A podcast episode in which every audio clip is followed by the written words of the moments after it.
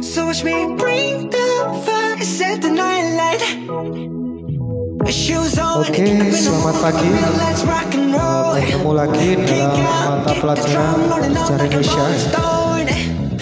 Pagi ini pada tanggal 21 sampai tanggal 19 Januari 2021. Oke. Oke. Hari ini kita akan membahas tentang orde baru ya.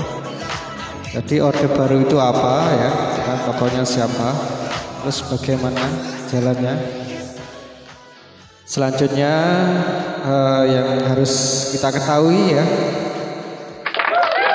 yang harus ketahui tokoh dari orde baru itu siapa sih kak? Dari orde baru yaitu presiden kedua kita yaitu Presiden Soeharto.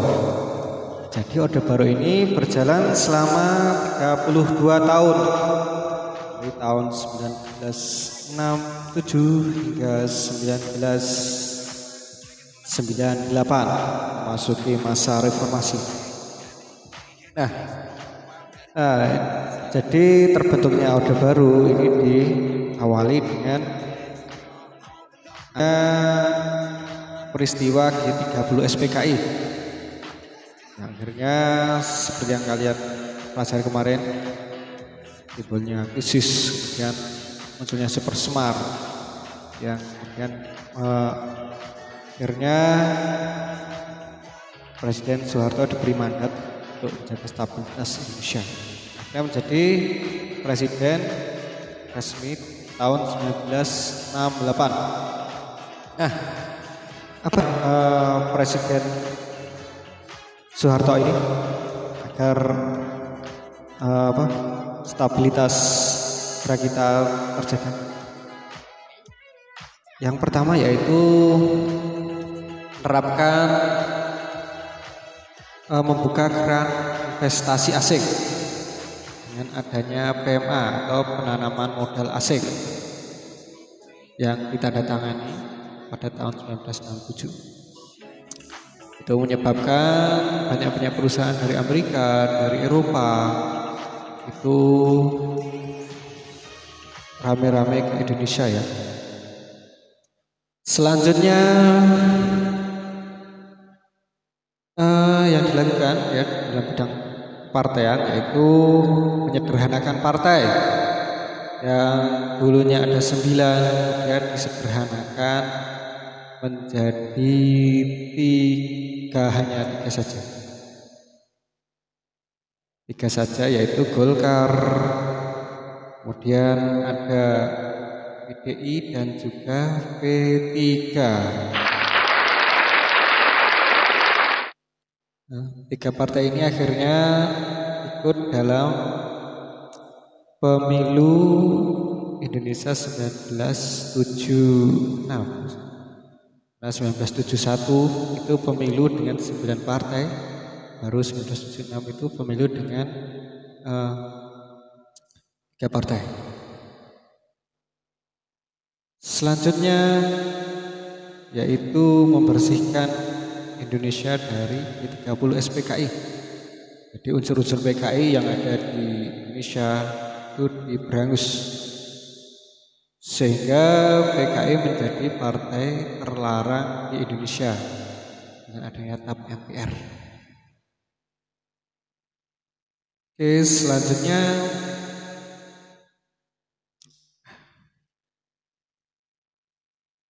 setelah kehilangan partai membersihkan PKI apa sih yang dilakukan agar uh, negara Indonesia ini menjadi stabil yaitu dengan penerapan P4 P4 itu apa sih Kak? P4 itu pedoman penghayatan dan pengamalan Pancasila ya. Yaitu agar Indonesia ini menganut ideologi Pancasila. Seluruh rakyat itu mengenal ideologi Pancasila sehingga Pancasila menjadi asas tunggal.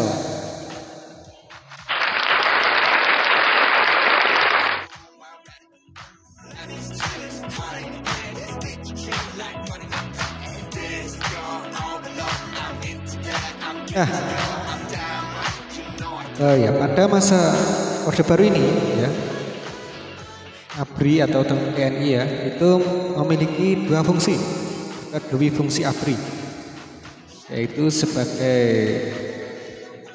sebagai ikut dalam politik, dalam politik menjadi anggota DPR, jadi bupati, jadi gubernur dan lain sebagainya dan juga ikut menjaga hati kamu.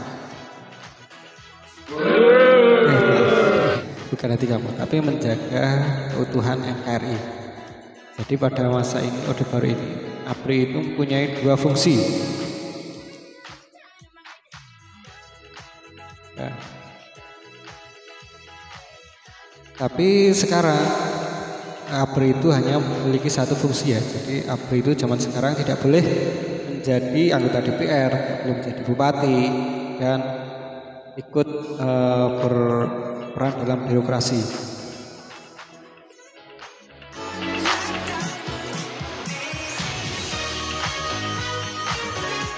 Oke, selanjutnya yaitu rehabilitasi ekonomi kan orde baru ini.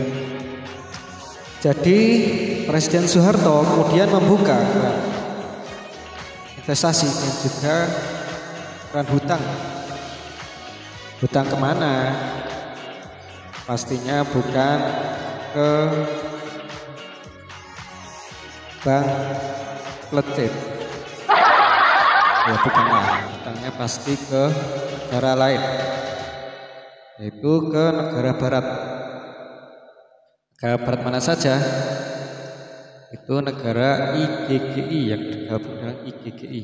Nanti kalian cari tahu sendiri. Selanjutnya pada masa ini juga uh, diadakan repelita yaitu rencana pembangunan lima tahun. Rencana repelita ini dibagi menjadi dua tahap, itu jangka panjang tahap satu dan jaga pajak tahap 2. Nah, repelita ini dibagi lagi menjadi pelita pembangunan lima tahun. Itu ada pelita satu, pelita dua, pelita tiga, dan lain sebagainya. Jadi kenapa kok Presiden Soeharto itu disebut sebagai bapak pembangunan? Karena pada masanya banyak uh, dilakukan pembangunan-pembangunan lewat pelita. Nah, kemudian fokus dari pelita ini ya, yang pertama yaitu bidang pertanian.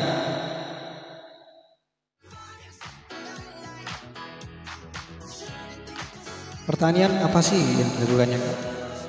Nah itu memberikan penyuluhan-penyuluhan, memberikan subsidi pupuk, memberikan insentif, kemudian apa memperuntukkan operasi desa dan lain sebagainya. Yang akhirnya pada tahun 88 Indonesia berhasil swasembada pangan.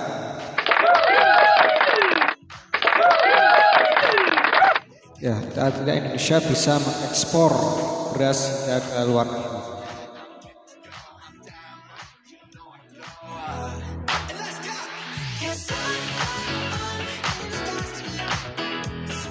Nah, kemudian yang kedua yaitu fokus di bidang pendidikan. Nah, pendidikan itu sangat penting. Jadi pada pelita ini banyak dibangun-bangun gedung SD, dibangun gedung ya intinya yaitu penerapan wajib belajar 9 tahun. Kemudian pemberantasan buta huruf itu yang menjadi fokus utama. Selanjutnya di bidang kesehatan juga membentuk membuat posyandu, membuat puskesmas dan lain sebagainya. Dan digalakkan KB ya. KB itu apa? Yaitu warga berencana.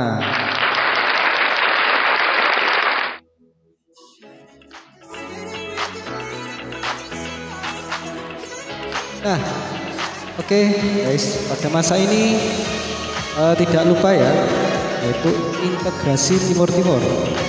Integrasi itu apa sih? Masa itu masuknya suatu wilayah dalam suatu negara. Misalnya wilayah Timur Timur ini masuk ke dalam negara Indonesia. Ini terjadi pada tahun 1976 dengan diadakannya operasi Seroja. Nah, akhirnya Timur Timur berhasil bergabung ya. Bergabung dan ikut di Indonesia di tahun 1999. Ya, setelah itu disayangkan karena lepas dari pangkuan RI. Tapi tak apa-apa ya. Mau bagaimana lagi? Karena memang situasinya sangat sulit pada masa itu. Selanjutnya sisi negatif dan sisi positif dari Orde Baru. Sisi positifnya yaitu kesejahteraan rakyat itu terjaga dan angka kematian bayi juga turun, angka kemiskinan turun, kemudian pendidikan dasar itu meningkat partisipasinya. Kemudian pembangunan di berbagai lini. Nah itu sisi positifnya. Tapi ya pasti ada sisi negatif. Sisi negatifnya itu apa aja kak? Yaitu e, merajalelanya KKN. Ya, belum tahu KKN itu korupsi, kolusi dan nepotisme. Selanjutnya uh, banyaknya pelanggaran asasi manusia. Asasi manusia itu istilahnya banyak pembunuhan sama pada waktu itu yang dilakukan oleh uh, otoritas atau pemerintah.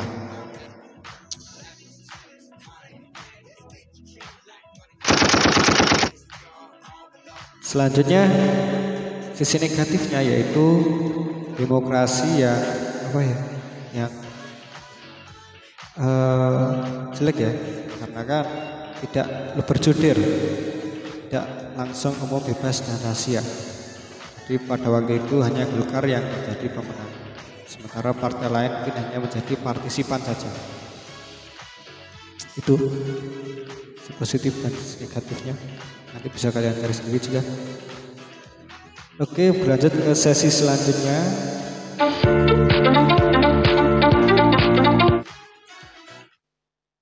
Oke, uh, sesi pertanyaan yang pertama yaitu jelaskan apa itu malari. Jelaskan apa itu malari. Kemudian pertanyaan yang kedua, uh, Jelaskan yang dimaksud dengan IGGI. Yang kedua. Terus yang ketiga, apa yang menyebabkan orde baru ini runtuh? Itu aja. Ketika apa yang menyebabkan orde baru ini runtuh? Jangan lupa ya, ditulis di dalam kertas, difoto, diupload di sini, kemudian tandai sebagai selesai.